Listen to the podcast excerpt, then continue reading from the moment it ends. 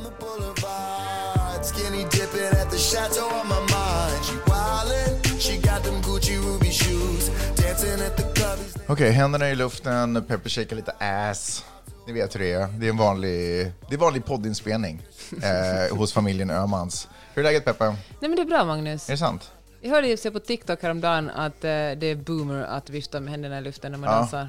Man, man kan verkligen känna igen en boomer på dansgolvet Mm. när händerna är i luften. Vad är, det, vad är det med händerna i luften och äldre människor? Det är för att så många låtar handlar om att man ska Nej, put vänta. your hands up in the air. Nej men vänta nu, det är ju inte boomer. Nu, nu använder du boomer som en Nej, okej, äldre, okej. bara att det är ute. Okej, millennials, Gen X. Ja, just det. För boomers, de kör, nu tänkte jag, de kör ju inte alls, eh, de håller ju snarare det här, eh, du vet när man gör tummen upp, men istället för att peka tummen rakt upp så trycker man det mot sin knoge, eller sin, sin näve. Sitt pekfinger liksom. Ja, sitt pekfinger. Och sen eh, håller liksom händerna lite som ett lokomotiv och låter det gå Ja. runt. Förstår du vad jag menar? Den kanske kommer tillbaka. Ja, det är ju mer boomer. Men verkligen, vi är generationen där händerna ska i luften. Put your hands up in the air, Ja. put your hands up in the air. Skitjobbigt. Alltså. Verkligen, så vi håller armarna nere från med nu. Verkligen.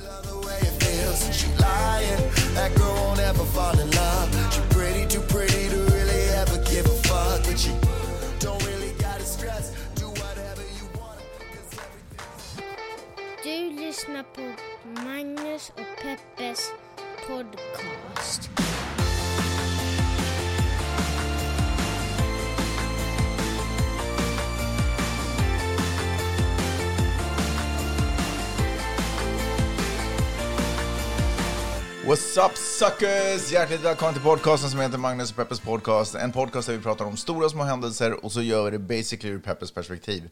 Eh, och eh, det leder mig till att presentera Peppe, nämligen Jeanette Marie Öhman, författare, föreläsare, know-it-all och först på knappen kan man säga. Eller? Först på knappen. Ja, det kan man, det är väl jag. Ja, jag eller är hur? väl. Det är Jag, inte vet, det- jag, vet, jag, vet, jag, vet, jag, Är inte det en bra beskrivning? Jag? Först på knappen. Ja. Ställ, Jag ska skriva in det på Instagram. Ställ en fråga i vilket, sammanhang, eh, i vilket liksom sammanhang som helst eh, och till vilken ålderskategori som helst. Kan, kanske frågan är till din eh, treåriga, treåriga dotter, treåriga son.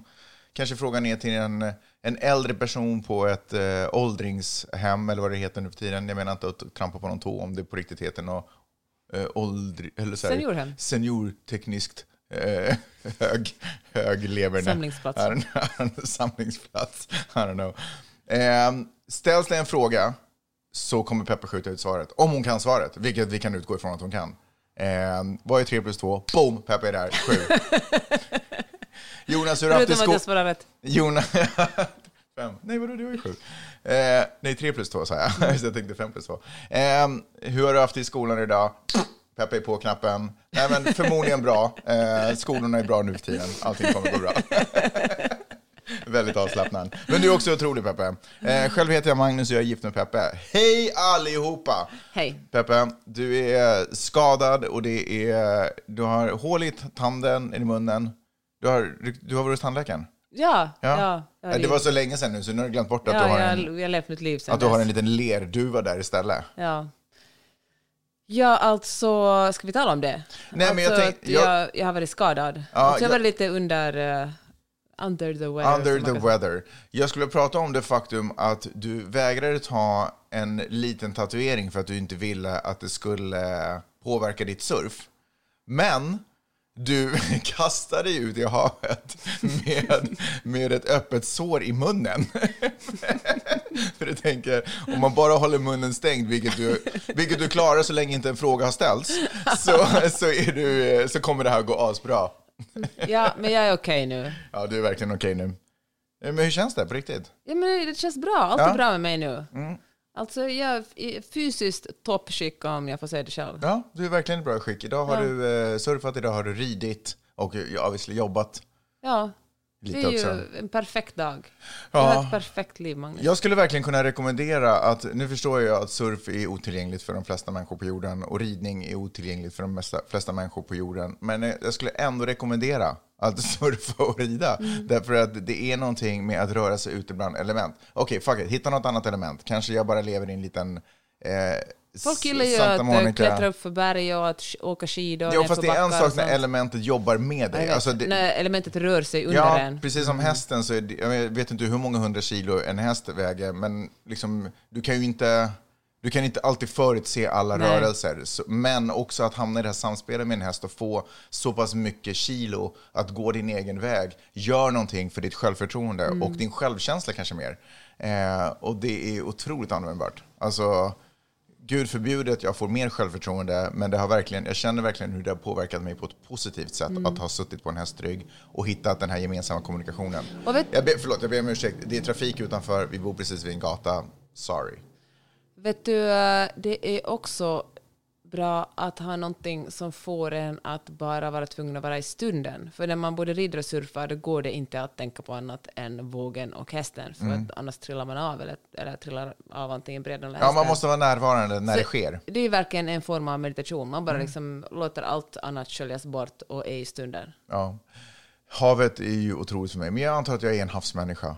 Eh, Jag har, jag, har på min egen, jag har suttit och filosoferat lite kring havsmänniskor och jag har kommit fram till att det finns två olika sorts människor. Det finns havsmänniskor och så finns det landmänniskor. När du säger havsmänniska tänker jag på någonting som Tove Jansson skrev. Det är typ såhär Mumintrollet. Är det sant? Kanske- Havsmänniskan. Kanske jag har fått det från uh, Tove Jansson. Men det är intressant, för det inte, betyder inte att man alltid är ute i havet som havsmänniska eller att man alltid är på land. Men för ibland så ser man landmänniskor ute till havs och obviously också havsmänniskor någonstans till land.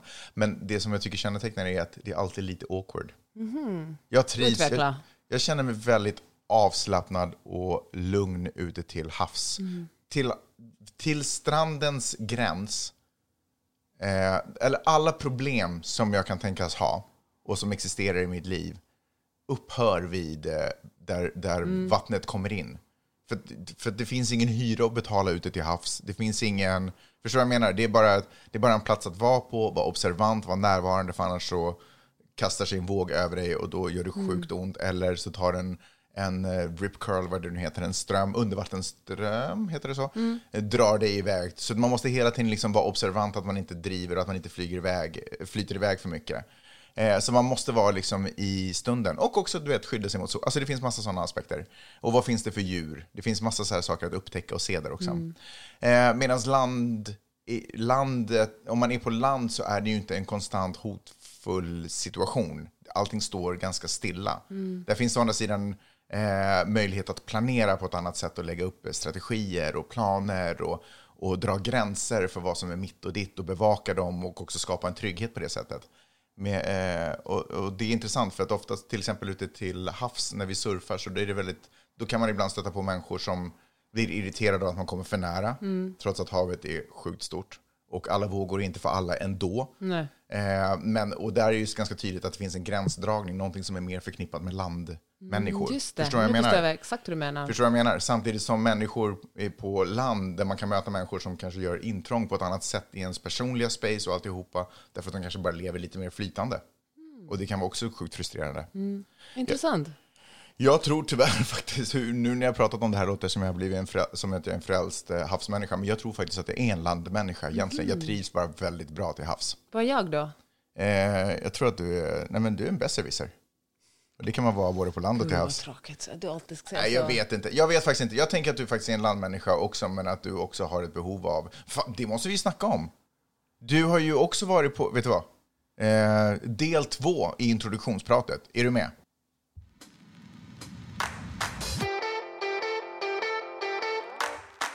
Du var ju på en, en... Vad fan heter det? Du träffade ett medium. Jag Berätta. träffade ett medium. Det var, så här, det var min gode vän Tamara som tog mig med på det. Mm. Det var i en liten inredningsbutik i The Valley på uh, Ventura Boulevard. Har du någonsin tänkt Ventura, Ventura Boulevard utan att tänka på Tom Petty?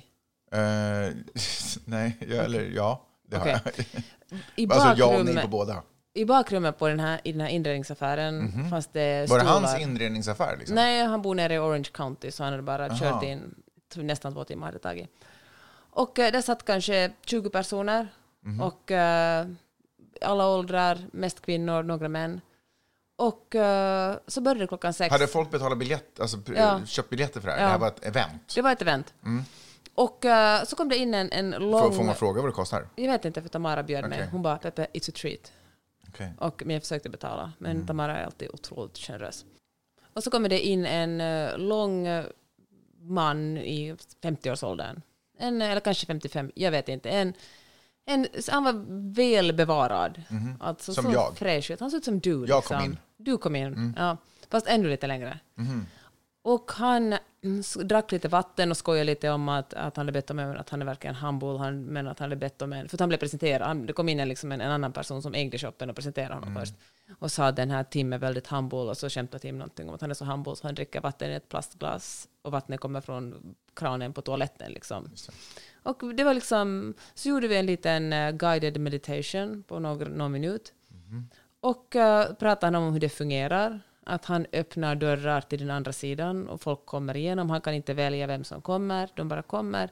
Och han kan inte välja vad de vill prata om, de här Var det liksom mörk belysning? Var det en källarlokal rakt upp och Nej. ner? Var det bara stolar på ett golv? Det var liksom? stolar på ett golv. Och eh, det var... Det var ingen inga scen fönster. på något sätt. Det var liksom Nej. bara en... Det var ganska intimt och trevligt. Men det var heller inte sådär... Var det stearinljus och... Nej. Det var, en ganska, det var som att stå och lyssna lite på en stand-up-komiker. Alltså det var lite av en show. Han Var det skojade. spotlight liksom på honom? Nej, det var ganska ljust. Det Ah, var okej, man- okej. all- lika som, som i det här rummet just nu vi Okej. sitter i. Och eh, så berättade han att han, han, eh, han kommer inte att komma ihåg det han säger, för de talar genom honom, de här personerna. Mhm. Och så, så började han prata med folk. Han var så där, you in the black shirt, du där borta, vad heter du? Mm. Jaha. Och eh, här är en man som ser ut att vara i 80-årsåldern, Mm. som eh, visar så här med handen och säger så här. Ofta när de visar så här och knäpper sig med fingrarna brukar det betyda att de hade en snabb och kanske också våldsam död. Känner du någon som, låter det här bekant på något sätt? Och sen sa den här mannen, herregud, det är ju, det är ju den och den som dog i en bilolycka och dog genast, vet du. Mm. Och eh, så säger det med dem, ja men han hälsar dig att han kände ingen smärta och han mår bra nu. Och så kunde det också vara en, en ja men det var, så gick han igenom, alltså det här tog två timmar, gick igenom nästan, all, inte allihop, men kanske två tredjedelar av alla och frågade människor. Och det var någon svärmor som kom, någon som inte alls gillade sin svärmor direkt mycket, men svärmor ville säga någonting. Och, och eh, ja, men det var väldigt, eh, först var jag sådär, nej, men så var han väldigt specifik. Han kunde vara sådär, har någon i din närhet dött av heroinmissbruk? Och så var någon, herregud, ja, min bror dog av det. Och eh, ja, det var väldigt intressant. Vad hade du för... Sånt här har man ju sett på tv, Mm. typ. Och eh, hur, vad hade du för förväntningar när du gick in i det här? Nej, men jag har varit, För det första, tror du på sånt här? nej, alltså, om du frågar mig sådär, tror du på det? Skulle jag säga nej, det är bara någon som är skicklig på det här.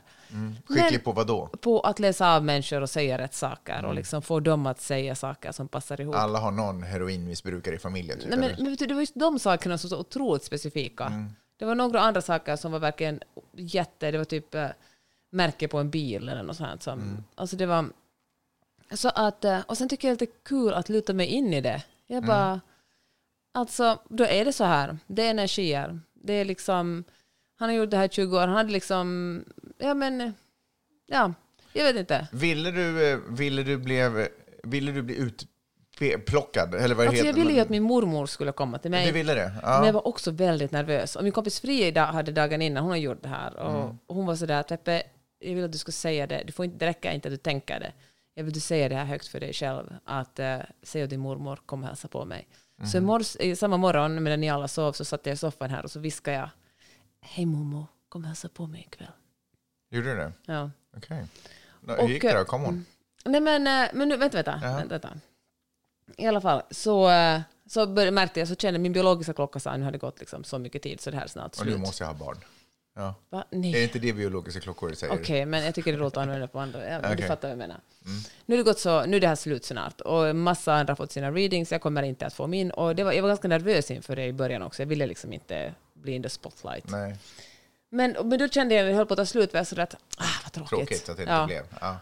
Och eh, då satt eh, Tamara som satt bredvid mig. Hon var så där, hon sa att ibland måste man önska saker av folk som man inte, eller inte det, sån där, det här mediumet också, man ska önska sig av saker av folk som man kanske inte tyckte om eller som har gjort en fel i livet. För när de är på den andra sidan vill de gott göra det för en. Då vill de göra bra saker för en. Så hon hade hopp, bad sin svärmor att jag skulle få min tur nu. Och bad sin egen svärmor? Ja, hon var sådär att Jaha, "Ja, låt honom komma till Peppe You nu. owe me one, hook Ja, my friend up. exakt så. Ah, okej. Och då kommer det här mediumet. Han kommer gående, stannar upp, ser mot mig och säger sådär you, what's your name, what do you do? Och han har liksom inte frågat någon annan Och what de, you do också? Ja, han har inte frågat någon annan vad de jobbar med, utan han har bara frågat vad, vem är du? Och så säger jag mitt namn och så hostar jag fram att jag är journalist och författare och han var sådär You're like me, you're a healer. Okej, det är en helare, sa han. Jag är en healer. Sa ja. han, gav han titlar till andra människor? Nej, Så du var den enda som också fick en, ett epitet? Ja, jag fick en, han sa så att jag ser att det står en, en eh, tre kvinnor bakom dig på ena sidan, vem är det? Det fattade jag alls inte då vem det var. Men han sa att de är tre äldre kvinnor, de, de som står bakom dig och stöttar dig. Men så sa han också så här att, att det här är ett ord som jag aldrig använt förut, men det kommer till mig nu och det är att folk spyr ut sina historier på dig. Att kommer folk upp till dig på Trader Joe's och vill berätta om sina liv, eller liksom berätta folk om sina liv. Och det är i och för sig sant, men jag tänkte att det är också för att jag är en god lyssnare. Och, eh, och så sa han så här att eh, du är en healer, men det som är viktigt för dig är att du kan rensa dig själv. Att du kan rensa bort andra människors historier från dig. Du kan liksom inte bära på folks historier. Så det är jätteviktigt att du kan antingen meditera eller så kan du gå ut i havet och, och bara låta havet skölja bort det. Liksom. Försök finna dig i en stund där du bara kan vara, du kan bara vara i stunden och liksom känna att du är present. Och, eh, och då var Tamara sådär, hon gör det faktiskt också med hästar. Det var jätteroligt. Hon kommer till mina hästar. Och det är sant som Tamara sa, alltså, så är det ju med hästar att man känner sig alltid som en renare och mer liksom, grounded person när man har varit med dem. Men då kanske du ska sluta säga man, för då kanske du går i, har någon speciell personlig relation. Du kanske inte det här applicerar på alla människor. Nej, kanske inte. Ja, men så, jag ska kanske säga jag. Mm. Ja, men det var det. Och sen var det typ slut. Nej men vänta, vad, vad såg han? Tre kvinnor? Var det allt han sa? Nej, han sa han så- sa bara att du var en healer och att du hade tre Ja, men han talade mycket om det. Tre mojor bakom mig. Nej, men så sa han att det stod en man på min ena sida, som från min pappas släkt, tre kvinnor på min mammas släkt som stod bakom mig och stöttade mig. Och så sa han att det stod en man som är 51 år gammal rakt bakom mig. Och någon så rakt bakom mig är det ofta inte en släkting. Magnus, Det är inte en släkting? Nej, då är det Nej. ofta en, en, liksom, en familj, liksom, en, någon som man är gift med eller någon som är man god vänner med, någon som liksom inte man har blodsband med. Men som har dött? Ja. Så det var inte jag som stod bakom? Nej, för det trodde jag också, för då var jag så att men det är min man. Och då var han så att, jaha, när dog han? Jag bara, nej! Ja, Tänk Han om lever. död. Tänk om, det, tänk om det här är the sixth sense och Ja, eh, just det. en av Ja, oss är just det. Jag på riktigt lever inte egentligen. I see dead people. Var det, var det obehagligt någon gång eller var det bara kul? Nej, eller var det det, var konstigt faktiskt- eller var det weird? Eller? Det var jätteroligt. Jag tycker det var så härligt att liksom luta mig in i det också och känna att ja, men det var väldigt härligt. Det var, jag tyckte om det. Jag tycker det är väldigt otypiskt av dig. Det här är inte första gången du flörtar med den där sortens eh, event. Du har ju varit på något liknande Mm. tidigare, eller hur? Ja, Då blev du aldrig utpekad, eller? nej, då fick jag inte svara på någonting. Nej, just det. Var det samma typ? Nej, det var en kvinna som heter Fleur. Varför tror du hon inte var så här, oh my god, här är också en healer? Jag vet, Varför det var tror du ett, hon inte reagerar på det? jag vet, inte, det var ju ett mycket större event då. Mm. Då var det ju kanske 100 personer, 80 personer. Jag vet inte. Ah, okej, okej, okej, okej. Kanske hon bara inte hade tid med. Det är väldigt mycket av det där som med den där in, the inconsistency, Mm. inkonsekvensen, heter det så? Eh, av allt det där som, eh, det är roliga upplevelser, men jag har svårt att luta mig helt in i det för resten av livet eftersom det verkar fluktuera. fluktuera. Ja, men vet du vad jag tänker? Alltså, om ens liv blir lite roligare och mer spännande på grund av det, så varför inte luta sig in i det? Eh, ja, alltså mitt problem är ju att om det inte är sant, varför ska jag luta mig in i det? Alltså, förstår du vad jag menar? Ja, men alltså... För jag, men jag tänker också att sådär... Alltså, Alltså, jag är inte här för kan- att övertyga någon om att göra Nej, jag det fattar. här. Men grejen, alltså, sådär, mitt problem, tror jag, mitt personliga problem är att jag har ett ganska skört psyke. Ja, Eh, och att jag har också en tendens att gå all in på saker och ting. Mm, det är sant. Visserligen under perioder, så man behöver aldrig vara orolig för att jag kommer fastna i någonting allt för länge. För sen så glider jag lite ur det när jag hittar något nytt. Men om jag skulle börja ehm, underhålla sådana här Mm. tankar på, på riktigt så tror jag att det kanske skulle kunna få mig att Mm. lite som en, en uh, undervattensström i havet, att bara dra ut i havs. blir det som en konspirationsteori nästan? Nej, men det, jag tror att att du kunde bara, tro på något, alltså... nej, men jag, jag kanske bara, tänk om jag, jag är rädd att jag förlorar mig. Alltså Jag lite som. Mm. användande av droger. Jag är rädd att jag lite förlorar mig. Jag har hört folk som har tagit droger som i stunden på något sätt säger så här, fuck, jag vet inte om det här är på riktigt nu eller inte. Mm. Och blir lite rädda för att man vet inte om man någonsin kommer komma ur det när man är inne i det. Förstår du vad jag menar? Ja, jag fattar det. Och den makten är jag lite rädd för, eller den effekten är jag lite rädd för att det kan ha på mig. Så jag tänker att jag tittar på det lite som på ett zoo, har det bakom galler en bit ifrån mig, snarare än att jag kastar mig ut i den djungeln och försöker lite en Dr. Livingstone uppleva det. Förstår du vad jag menar? Jag förstår verkligen. Där är jag. Men med det sagt, det började ju från havet. Jag tror inte att du kanske är en havsmänniska, men jag tror att du behöver havet. Då, eh, för, för vad du då kanske... Du behöver det som en rensare i ditt liv. Och det är kanske därför du är så otroligt eager att alltid springa ut på morgonen. Att du verkligen måste ha havet. Förstår Jag är ju jag verkligen ingen periodare nämligen. Du är ingen periodare. Nej, Nej, om jag hittar inte. något som jag tycker om så då gör jag det resten av livet. Ja, det är synd för att du tar ju alltid bara på dig mer. Du är som en garderob som du aldrig rensar ur. Förstår du vad jag menar? Mm. Du bara hänger i nya saker hela tiden. Sen klagar du på hur mycket du har att göra.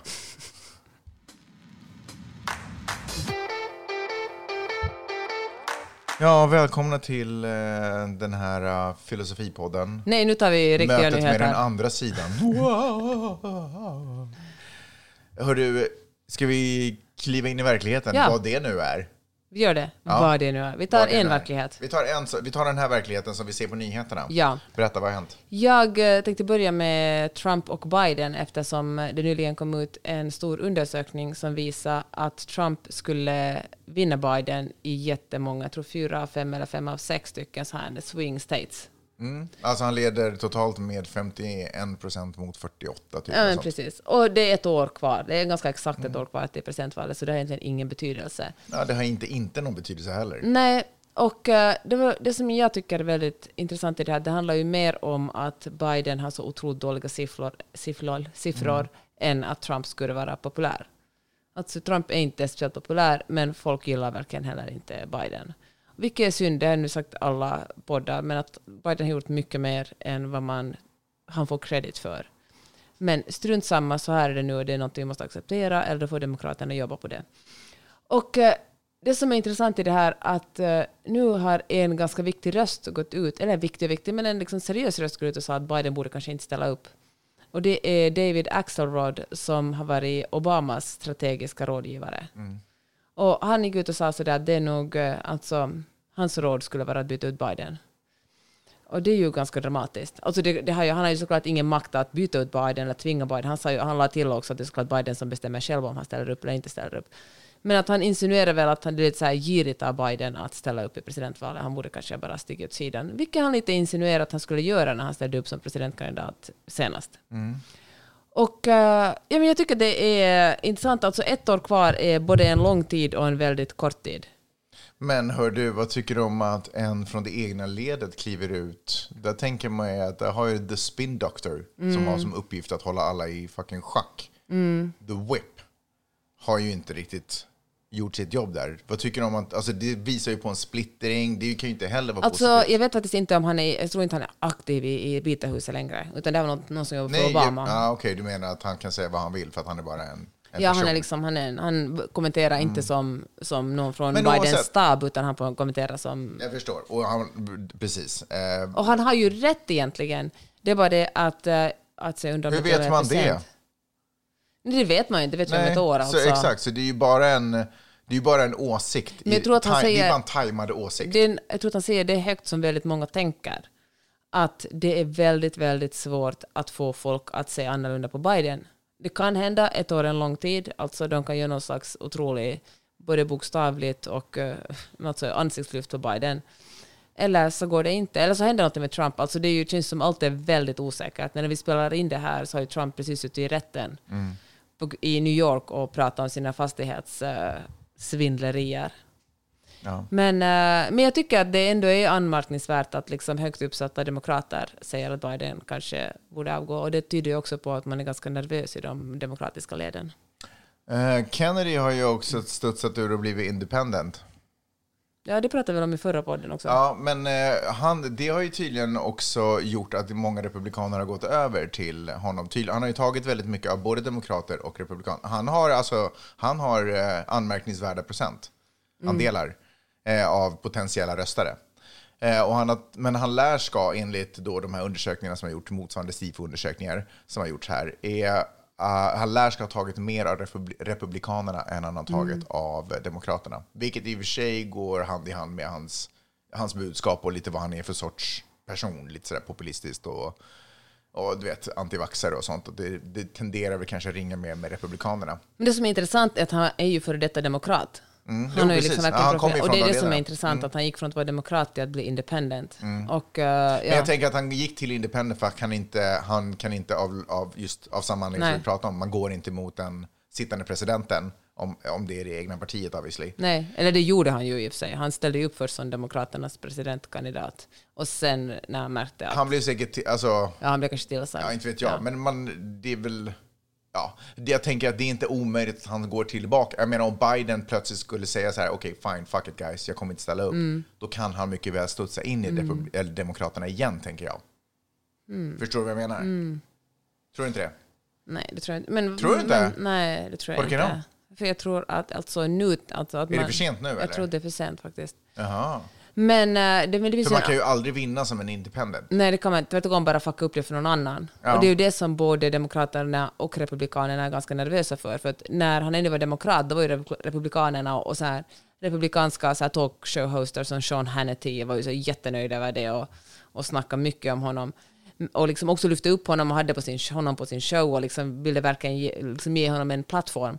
Men nu när han är eh, independent och verkar stjäla lika mycket, brukar stjäla liksom röster från Republikanernas sida, nu börjar de ju snacka ner honom. Nu liksom kritiserar de honom på ett helt annat sätt. Det. Men det som du säger, det är jättespännande att han liksom verkligen gått ut som demokrat. Alltså, han har varit demokrat, gått ut i demokratiska partiet, men har värderingar som mera påminner om eh, republikanska. Ja. Som Eller? att han har varit antivaxxare. Eller han har ju sagt saker som att, att vaccin finns liksom, är ihopkopplat med autism, vilket det finns väldigt mycket fakta som visar nej mot. Och han har ju tyckt varit ganska mycket emot också coronavaccinationerna. och- Men eh, vad tror du, kommer det att påverka valet? Vad står han i, eh, förlåt, men vad står han i abortlagstiftning och sådana saker? det du vet jag faktiskt inte. Men det som han har talat om som jag tycker är jättebra, alltså så, jag menar han har inte, jag skulle aldrig såklart rösta på honom, A för att jag inte får rösta i USA, men B heller för, för hans liksom, konspirationsteorier. Men han har till exempel talat om sociala medier, hur man borde bryta upp liksom, de stora mediebolagen som Facebook eller Meta, för de har för mycket makt över människor. Också tala om att, att eh, mycket om det här liksom, tvåpartisystemet som man har i USA, att det inte fungerar. Alltså, han har sina poänger faktiskt. Han är liksom inte helt koko på alla håll. Och han är också advokat, han jobbar liksom för miljöfrågor. Det är ju nästan alltid så att, att USAs presidenter är advokater i utbildningen, han har juristutbildning. Men så han har liksom inte, alltså han har värderingar som, är, som kunde funka med ens egna värderingar, men så kommer just konspirationsteorierna och uh, fuckar upp allting. Ja, spännande att eh, se hur det går. Vi har ett år på oss. Ja, och får jag bara säga att det finns faktiskt en annan, det finns en demokrat som utmanar eh, Biden, han är typ från Missouri eller något sånt. Som, Tydligen inte så mycket eftersom vi inte ens vet vad han heter. men jag kommer faktiskt inte ihåg vad han heter. Jag tänker att man kanske inte ens behöver komma ihåg vad han heter för att han kommer såklart aldrig att komma någon vart. Men han håller väl bara på att etablera sig ett namn. Alltså bara att man ställer, ställer och det har inte funkat, det har inte funkat så bra för honom i den här podden uppenbarligen. Men att folk ska komma ihåg hans namn inför nästa presidentval. Han fattar ju själv att han inte kommer att vinna. En person som jobbar stenhårt på att eh, framstå som en framtida demokratisk president är New Jerseys senator Cory Booker. Cory Booker heter han. Alltså, vet, har du sett honom? Ja, det är klart du har gjort. Alltså varenda gång jag ser honom i eh, någon morgonsoffa eller något liknande och prata, så bara ser man hur han sådär, eh, alltså, han försöker inte bara utstråla liksom eh, att vara en politiker eller att vara en, eh, liksom, en eh, förtroendegivande person, utan han, det där lilla tweaken extra som Obama hade som på något sätt gjorde honom till president. Det är så roligt när du ser president så håller du handen som Ja, så är det håller det. president. Så, Eh, och man bara, alltså jag märker hur han, han kör, jag skulle, så lack of better words, skulle jag säga så här, fake it till you make it. Han beter sig som att han, han pratar alltid som om han redan är president. men liksom. det är väl jättebra. Han är Ja, väl en ganska verkligen. bra Han dude. är otroligt bra dude. Starkt engagemang och alltihopa. Det, mitt problem är kanske lite att han har lite för mycket så här, eh, Obama var hans mentor-vibe. Du, han har, Mm. Men det gick ganska bra för Obama. fair, men jag har väldigt svårt att tro att en ny Obama skulle kunna bli president. fattar. om inte det är Obama själv. Eh, Typ så.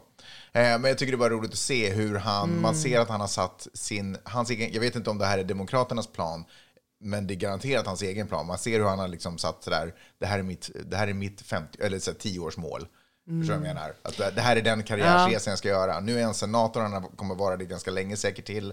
Eh, för jag, ja, du vet, det verkar gå bra Mm. för honom. Så han kommer få anledning att liksom hela tiden bara fortsätta göra sitt eh, Han ställde arbete. väl upp i presidentvalet mot Ja. Joe Biden som Demokraternas kandidat. Precis, men precis så. Han gör ju de här testrunsen, Mm. du vet, när, när de möjligheterna finns.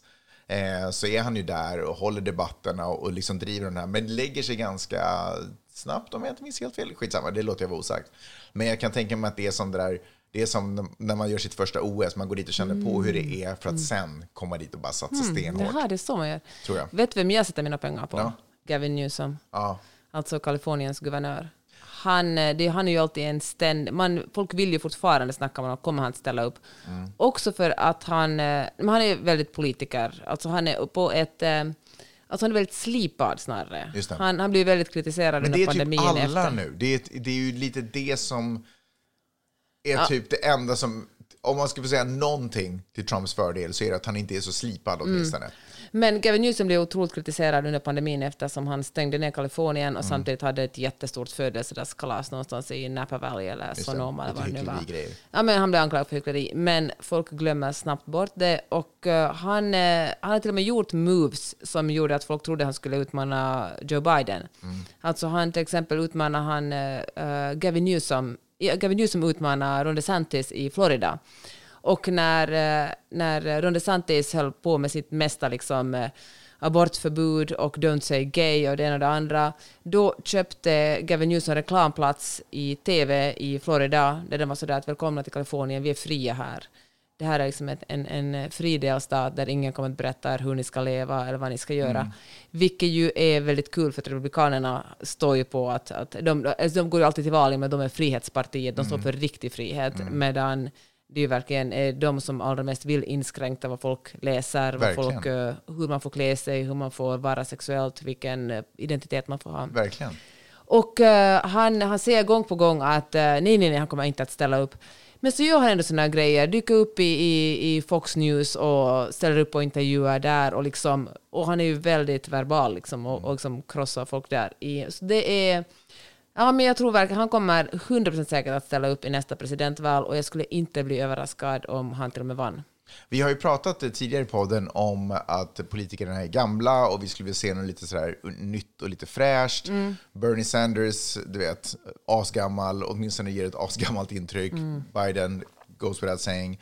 Eh, men, eh, och då har vi så här, var är de unga, nya generationerna? Men kanske, kanske de ändå finns. Kanske det inte Kanske är det en, är Cory Booker och Gavin Newsom. kanske det inte är en superung ny generation, men kanske det är liksom de som ändå är det nästa ledet av potentiella kandidater. Mm. Synd var att det inte liksom finns egentligen kanske någon kvinna där med Men dem. alltså verkligen, Pete Buttigieg dock. Ja, Gretchen kvinna, Whitmer eller? kanske? Nej, jag menar Gretchen Whitmer. Men Bara jag menar Pete gay, eller vadå? Jag menar att han kommer från en, en minoritet som inte representeras så ofta i amerikansk sant. politik. Men- och han är ju, alltså, om man vill kolla på någon som är bra på debatter och att ta diskussioner och intervjuer, är det ju Pete Buttigieg. Han är 100%. så otroligt snabb utan att vara...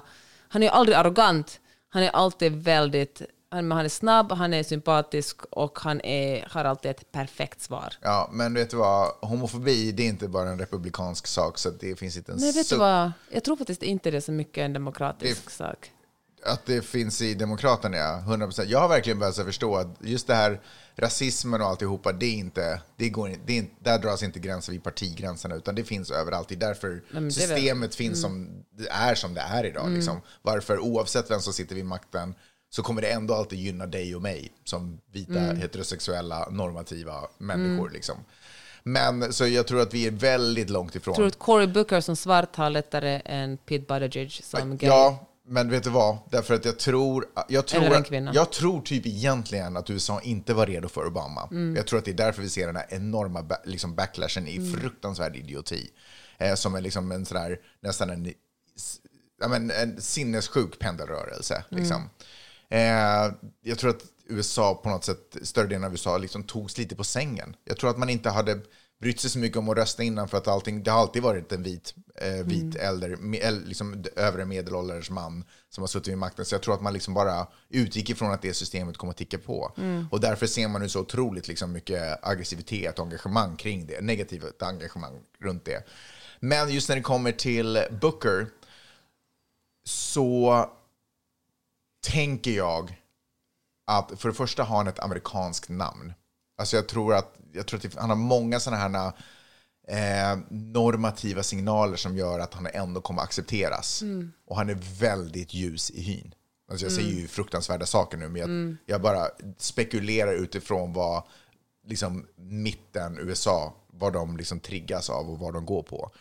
Eh, Jag känner mig som eh, Michael Barbaro. Ja, nej, men jag tycker Mm. det är fruktansvärt. Men jag tror att han möjligen skulle kunna komma undan. Men jag tror att det kommer en News Gavin innan. Gavin Newsom. Gavin Newsom, News Gavin, eh, Gavin Newsom kommer 100% innan. Mm. Alltså verkligen, det gör han verkligen. Eh, av den enkla anledningen. Okej, får se. Ja, vi får verkligen se.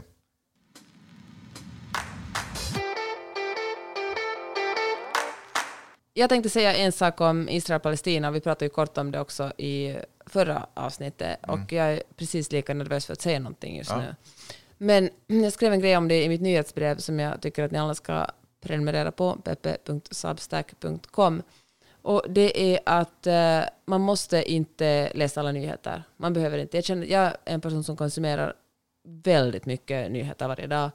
Men jag känner att jag inte riktigt orkar läsa exakt om hur många barn och på vilket sätt de har blivit ihjälbombade i Gaza just nu. Det, och jag tycker att det är helt fine. Jag tror inte att man blir en bättre människa av att veta exakt det. Däremot är det alltid bra att veta sammanhanget och förstå den stora bilden. Och eh, ett tips är att lyssna på New York Times eh, podcast The Daily. De hade i fredags ett avsnitt som heter 1948 som handlar ungefär bakgrunden till Israel-Palestina-krisen. Till landuppdelningen där, eller? Ja, jätte, jätteintressant och jag antar att de flesta av er som har gått i skola kan det mesta av det här än, men det är en jättebra påminnelse, just så sa gick det till. Och, eh, men en sak som jag tycker är, är otroligt svår och det är att, eh, att folk nästan ser det som eh, idrott, eller ett sport, man väljer ett lag. Om man ser en sak, då man, om man säger så här, jag tycker det är fruktansvärt att Israel eh, bombar Gaza och att så många dör. Alltså nu, man, vissa siffror säger att 10 000 personer har dött, andra säger 20 000. Alltså lika många bomber som de senaste veckorna fallit i Gaza bomba USA och Afghanistan med under det värsta bombåret under ett år. Alltså det är verkligen otroligt. Alla universitet är tydligen sönderbombade. Men, men då om, om, man, om man säger en sån sak, om vi ska säga det, skriver det här på Instagram, skulle, finns det alltid en risk att, att man blir deplattformerad? Alltså, eller att man blir kallad antisemit. Och det vill jag bara säga att antisemitism är något som växer. Det är absolut fakta. Alltså judendomen, eller judar är ett folk som är alltså det som folk hatar på och som är förtryckta och som, som blir diskriminerade. Och, och, och, och liksom antisemitismen existerar och bara växer. Jag menar, vill vara jättenoga med det. Men det är jätteviktigt att komma ihåg att två saker kan hända samtidigt. Och att man uppmärksammar och vet fakta om en sak betyder inte att man hatar den andra saken. Alltså förstår du vad jag menar? Det, är inget, det är inte sport, det är inte som att man väljer ett fotbollslag och hejar på de ena, utan man kan liksom förstå fakta och försöka förstå vad som händer utan att stå på någon sida. Däremot kan man absolut stå upp för humanitär hjälp och, och, liksom för, och liksom uppmärksamma att det är många, otroligt många civila som just nu mister sina liv. Åh, jag tycker det är så svårt. Alltså jag får nästan Jag- gråta i halsen när jag talar om det här. Det Med det så, sagt så tycker jag också, precis, eh, men med det sagt så tycker jag också att om man är Israel så har man rätt att stå på Israels sida Ja. och tycka att det som har hänt mot det egna folket och det egna landet är fruktansvärt. Och, ta, också- och ta mindre hänsyn till, till vad som händer i det andra landet och vice versa. Fast jag tänker man- att man kan faktiskt båda två. Man kan, man kan vara medveten om anti, Jo, liksom, känna 100%, sig jag kan- och ändå tycka att det är fel att civila dör. Ja, det kan man verkligen tycka. Jag kan också respektera att det är svårt att Ja, göra det när det är verkligen. så känslomässigt och när det är så nära på. Men, ja, Men, och vice versa, är man, är man palestinier eller har släkt eller någonting så kan jag också 100% förstå att man känner mycket, mycket, mycket starkare för den orättvisa som sker gentemot eh, invånarna i Gaza. Eh, och ta mindre, och, ha min, och, och, och stå närmare det än, än det som hände Ja, än, bara, än, än det som Hamas har gjort mot Israel. liksom. verkligen. Men det som jag vill säga, alltså mitt budskap är kanske att de där människorna som varken är det ena eller det Ja, ja, ja. andra, och som känner att, det, att, ja, men, att det är okej att inte liksom heja på den ena Men för sidan. mig, precis, men för mig som inte har relation till någon av sidorna är det ju absurt om jag väljer sida och säger nu är jag på Palestinas sida eller, eller, så, eller nu är jag på Israels sida. Men det jag åtminstone kan göra är precis det du har sagt. är att jag kan ju känna för de tus, tiotusentals oskyldiga människor som inte har någonting med det här politiska spelet att göra. Samtidigt så pågår krig i Ukraina också. Det har inte stannat av heller. Eller det är väl exakt vad det har gjort faktiskt ja, alltså, gränsdragningen har Mm. ju stannat av med kriget. Alltså just för att kriget hela tiden fortsätter. Det är ju en standstill. Det är inte så att folk har slutat skjuta Mm. Nej, varandra. och det är ju Ryssland som gynnas av att kriget står still eftersom de har tid att samla ihop och producera mer vapen. ja. Och det är ju ofta så Ryssland brukar vinna krig på, att de bara, de har så mycket folk, de kan producera vapen, så om de vinner tid så vinner de krig. Mm. Men grejen är, med den här sortens krig, det är liksom... Man kan liksom inte riktigt vinna den här sortens krig. Du kan liksom inte, du kan ta land, det kan du göra, men du kan liksom aldrig riktigt vinna i kriget. Det, blir, det övergår ju till ett evighets... Det som vi har sett i Mellanöstern, det övergår ju till ett evighetsgerillakrig. Där någon plockar någon hela tiden. Liksom. Du kan ju liksom inte riktigt vinna det här. Okej, ska vi gå över till någonting som också är viktigt men lite lättsinnigare?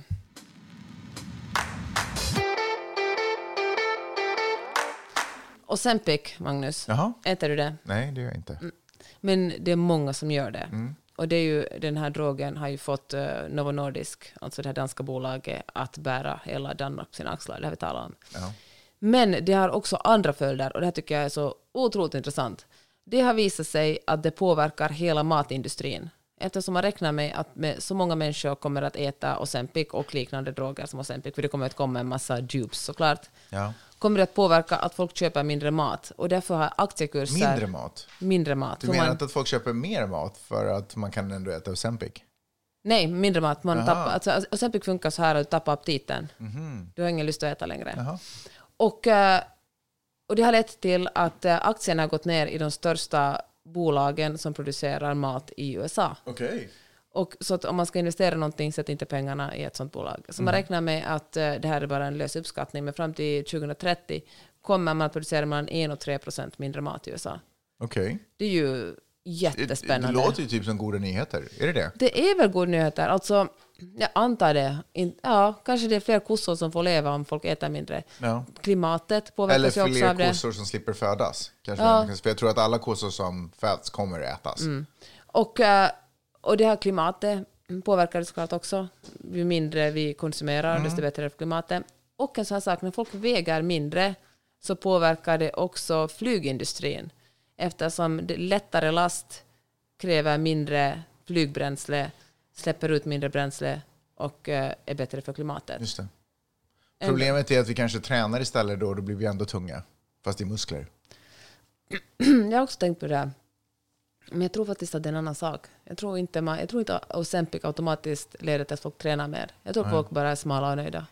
Ja, Men fan vet jag. Men eh, vem vet, kanske, du har, kanske det är så.